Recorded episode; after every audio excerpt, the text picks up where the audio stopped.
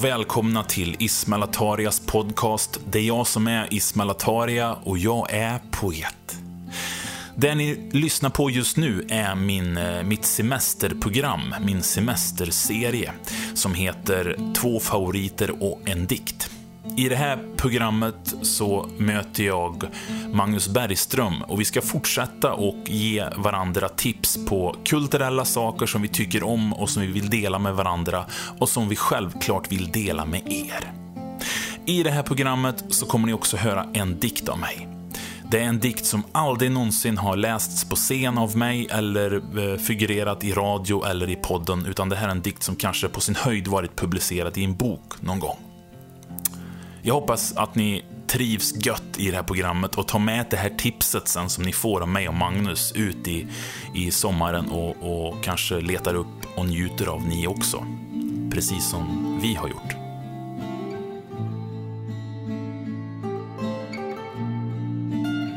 Så då, eh, Magnus, då fortsätter vi vår lilla, vårt lilla tipsande här på vår lista som vi har gett yes. oss in på.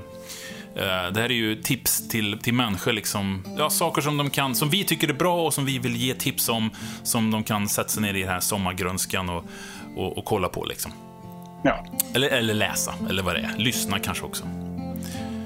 Eh, så vi har kommit fram till, till, till vårt är det, tredje program nu, tror jag det är. Ja, ja, ja. Får jag tänka efter det. uh, jag, jag, kan börja den här gången, tänkte jag. Absolut. Jag vill tipsa om en bok som jag har läst uh, ett par gånger faktiskt, för den berörde mig så fruktansvärt mycket. Och det är uh, en diktsamling av Nick Cave som heter Sick Bag Song. Mm. Har, har, du läst den? Jag har inte läst dikt, hans diktsamlingar faktiskt. Jag har läst hans romaner. Har läst. Mm, de är ju inget vidare. Tycker inte jag. Tycker du de är bra? Ja, alltså, jag, jag, kan ändå hitta någonting intressant i dem, men eh, jag, jag, kan ju absolut tänka mig att han är starkare som poet. Eh, oh ja. Sett till eh, alltså, hans sångtexter. Ja, ja, det är min tolkning då, men det finns många. Men liksom, mm. vet du, den här romanen, Buddy Munros död, var ju bara tråkig läsning tycker jag. Och vet du, As the the Angel heter den Den, ja, den, den, är ju häftig språkligt så och lite kul ja. att läsa där, lite fränt så men den är ju, man sömnar ju nästan liksom tycker jag ändå, på något sätt. Den var lite för, för tung tycker jag på, något, på ett tråkigt sätt. Mm. Men, vad, mm. vad är det i hans äh, dikter som, som biter sig fast? Då? Det, det, är, det är ju en, en, vad ska man säga, en korsning av en långdikt, roman nästan så. Så det är inte en massa mm. korta dikter. Han gjorde ju såna, okay. de, han, han, gjorde ett par böcker som jag har som heter King Ink, där han har sina lite dikter, lösa dikter, sådär, låttexter och varvat sådär. Det här är ju en, liksom en roman mer egentligen, en lång, en lång berättande dikt. Eh, okay. Det, det, börjar med, det är egentligen en turnerdagbok, att han och The Bad Seeds är ute på turné i USA, då när de gjorde den här Push the Skyway, tror jag var, den eran. Så han, han, han, det är en turnédagbok egentligen. Men han, han har skrivit så jävla fint att han är ute och hittar en drake, gör han. Som han tar med hem till hotellet och som han måste ge en, uh, sköta om och ge näring och sådär. Men sen så, i det så tar det ett avstamp och så blir det en, en berättelse om det turnélivet och vad musiken betyder och vad konsten och fantasin, han går tillbaka i barndomstankar, så där skildringen liksom av sin barndom och sin uppväxt. Och ta sig en läste nu så jag kan inte exakt återge, för den är väldigt, den är väldigt vild liksom i sin berättelse så. Men mm. det finns liksom biografiska element och det finns element av turnédagbok liksom, där han berättar vad, vad, vad, när han var i Memphis, där, vad den publiken där var bra, vad de gav och sådär. Och, och, så kommer han tillbaka och berättar om sin fru och deras förhållande, så, så det är väldigt mycket, hans tankar i liksom, en lång svindlande dikt. Mm. Och det heter ju Sickbag Song bara för att han, han fick idén att han, han började skriva en, en, en, Han hade ingenting att skriva på på ett flygplan, så tog han en sån här spypåse och började skriva på. Ah. Och då gjorde han först en låt som heter Sickbag Song, men sen så levde det kvar då, som en som en titel på den här boken. Så. Mm, det är en väldigt fin titel och det är så här symboliskt på något sätt också att det är på en spypåse. För att det, alltså, om man ska hårdra det här med liksom att bara så här, skölja ur tankarna i huvudet som eh, man liksom skulle kunna säga med ett ord att man spyr ur sig. Eller vad ska ja, säga. Ja, men, men eh, sen kan det fortfarande vara kvalitativt så man ska inte lägga något värde i eh, just ordet spy där utan det är mer att det, det blir liksom passande men är, det här före eller efter att hans son dog, funderar jag på? Eh, jag tror det är före, tror jag. Jag tror det är precis i skarven. Hans, ja. hans, hans son ramlade ner från en klippa, tror jag väl. Den, och, ja, sådär, och, och tragiskt omkom. Sen gjorde han väl den här skivan Skeleton Tree som kom sen efter det. Och, och vad heter han? just Och, uh, vad heter han, Ghost Teen som kom sen. Ja. Som ja, är bearbetar det, storyn. Precis, för då, då är det nog för, det, just den uh, Push the Sky Away är väl senast, alltså sista studioalbumet före eh, Skeleton Tree tror jag. Mm, precis. Ja, tanken var väl att, att Skeleton Tree och Push the Sky Away och, och Ghost Teen ska ses som en trilogi, har jag förstått, de skivorna. Mm. Okay. Eh, Men det är ju alla de här gubbarna med sina trilogier liksom. Alltid någon sån där, alltså, ja, det är en trilogi, så här, kan de bestämma efter, så, så känns det ibland. Så man ska nog inte ta för mycket på det där, tror jag. Men, men det, är en, det är en skitfin skiva, tycker jag. Även om, om, om jag tycker Skeleton Tree är en bättre skiva än den skivan han skrev samtidigt som, som Sickbag Song. Men jag tycker bo, den boken är bättre än den skivan. Eh, Som han gjort i samma era. Eh, Push the Sky Away.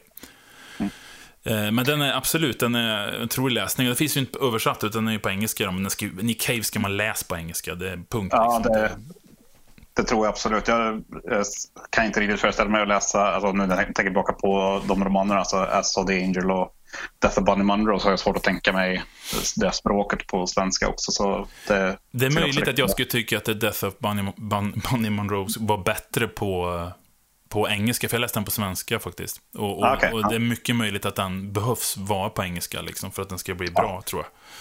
Det, det, är, ju- det är ju inte den bästa boken jag har läst heller, men det, det, det är helt klart så att, eh, som du säger med So the Angel också, att eh, i språket så finns det en del som trollbinder helt klart. Ja, det är ju, han, han är otrolig så lyriker liksom, när han väl kommer in i det. Så det, det, just, det jag gillar med Sickbug Song det är att den, den, den rör sig mellan dröm och verklighet väldigt mycket sådär, på ett väldigt fint sätt. Den flödar liksom mellan det, för det kan bli ganska pajigt om man gör ett fel, men han har gjort det så himla fint. Att, det, att han blandar in så här, att han berättar sanningen, men blandar in liksom så här, hit en drake, det är så jävla fantasifullt och vackert tycker jag. Eh, och någonting som jag är väldigt inspirerad av faktiskt, själv just nu, och, och skriva lite så. Magisk realism, det är väl det det kallas för. Ja, precis. Men i alla fall, Sickbag Song av Nick Cave. Vad vill du tipsa om?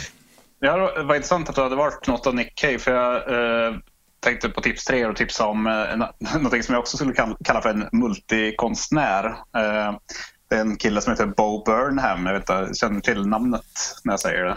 Nej, inte ens att det ligger en klocka någonstans. Nej, han eh, är ju mest känd tror jag som, eh, ja, man, man skulle väl kunna säga stand-up-komiker egentligen.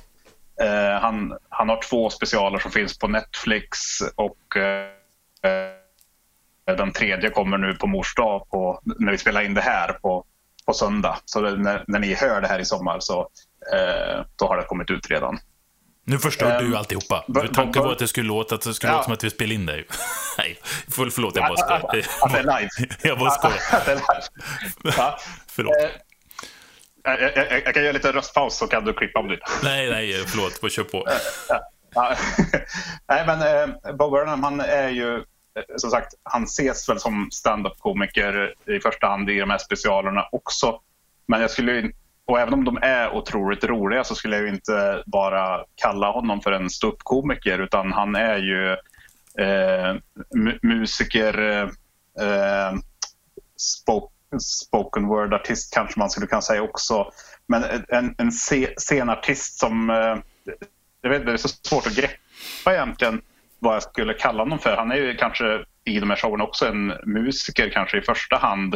Eh, Som, eh, Får, Ja. jag, får jag bara fråga, är det han med det här stora flyga håret? Han som... Är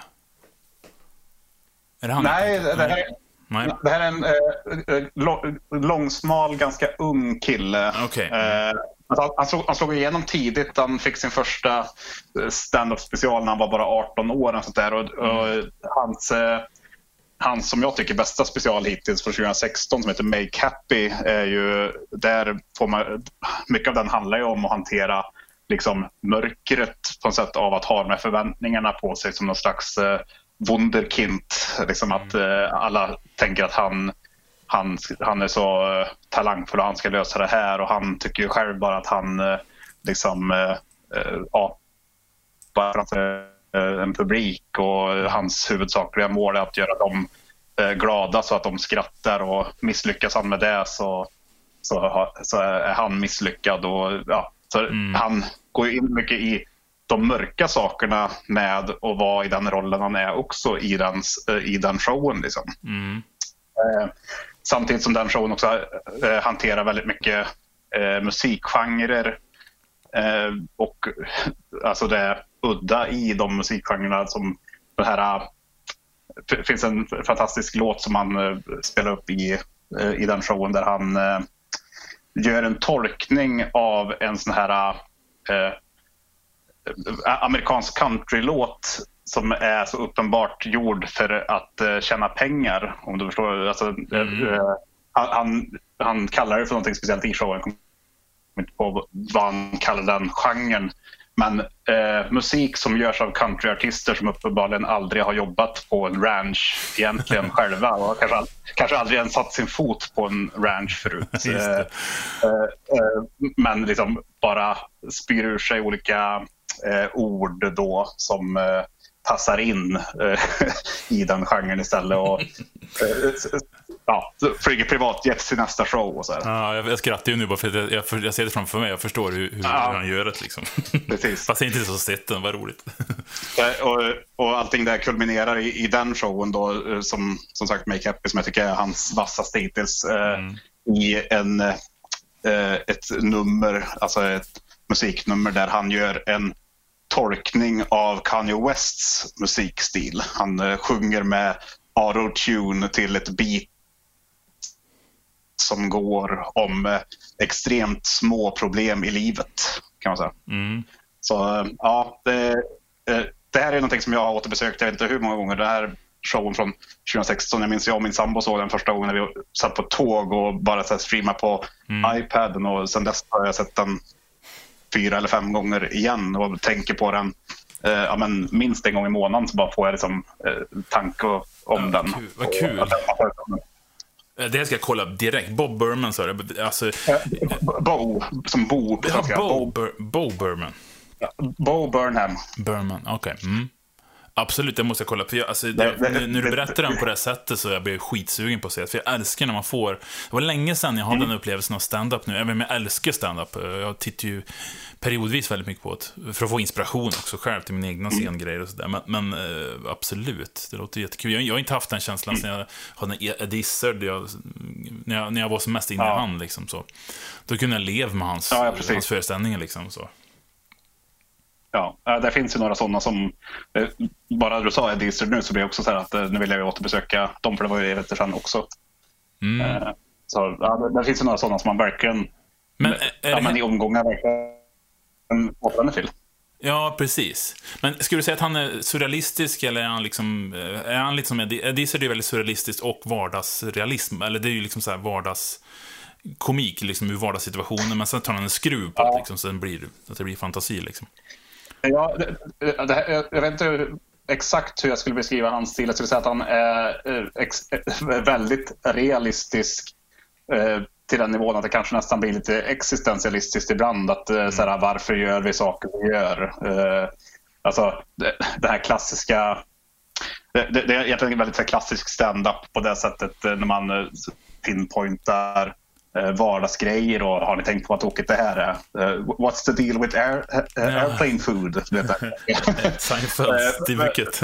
det är så jävla ja, tröttsamt. Det är, inte, det är så jävla passé det. Exakt, exakt. exakt. Men så jag skulle ändå säga att, att hans stil, om man nu ska säga att han har en viss stil, för som sagt, jag vet inte om jag skulle klassa det som stand-up ens i grunden, det han gör. Men om det är någon stil som det passar bäst in på så är det väl den väldigt realistiska och iakttagande. Bara att han gör det på ett sätt som jag aldrig har sett en standup-komiker göra förut.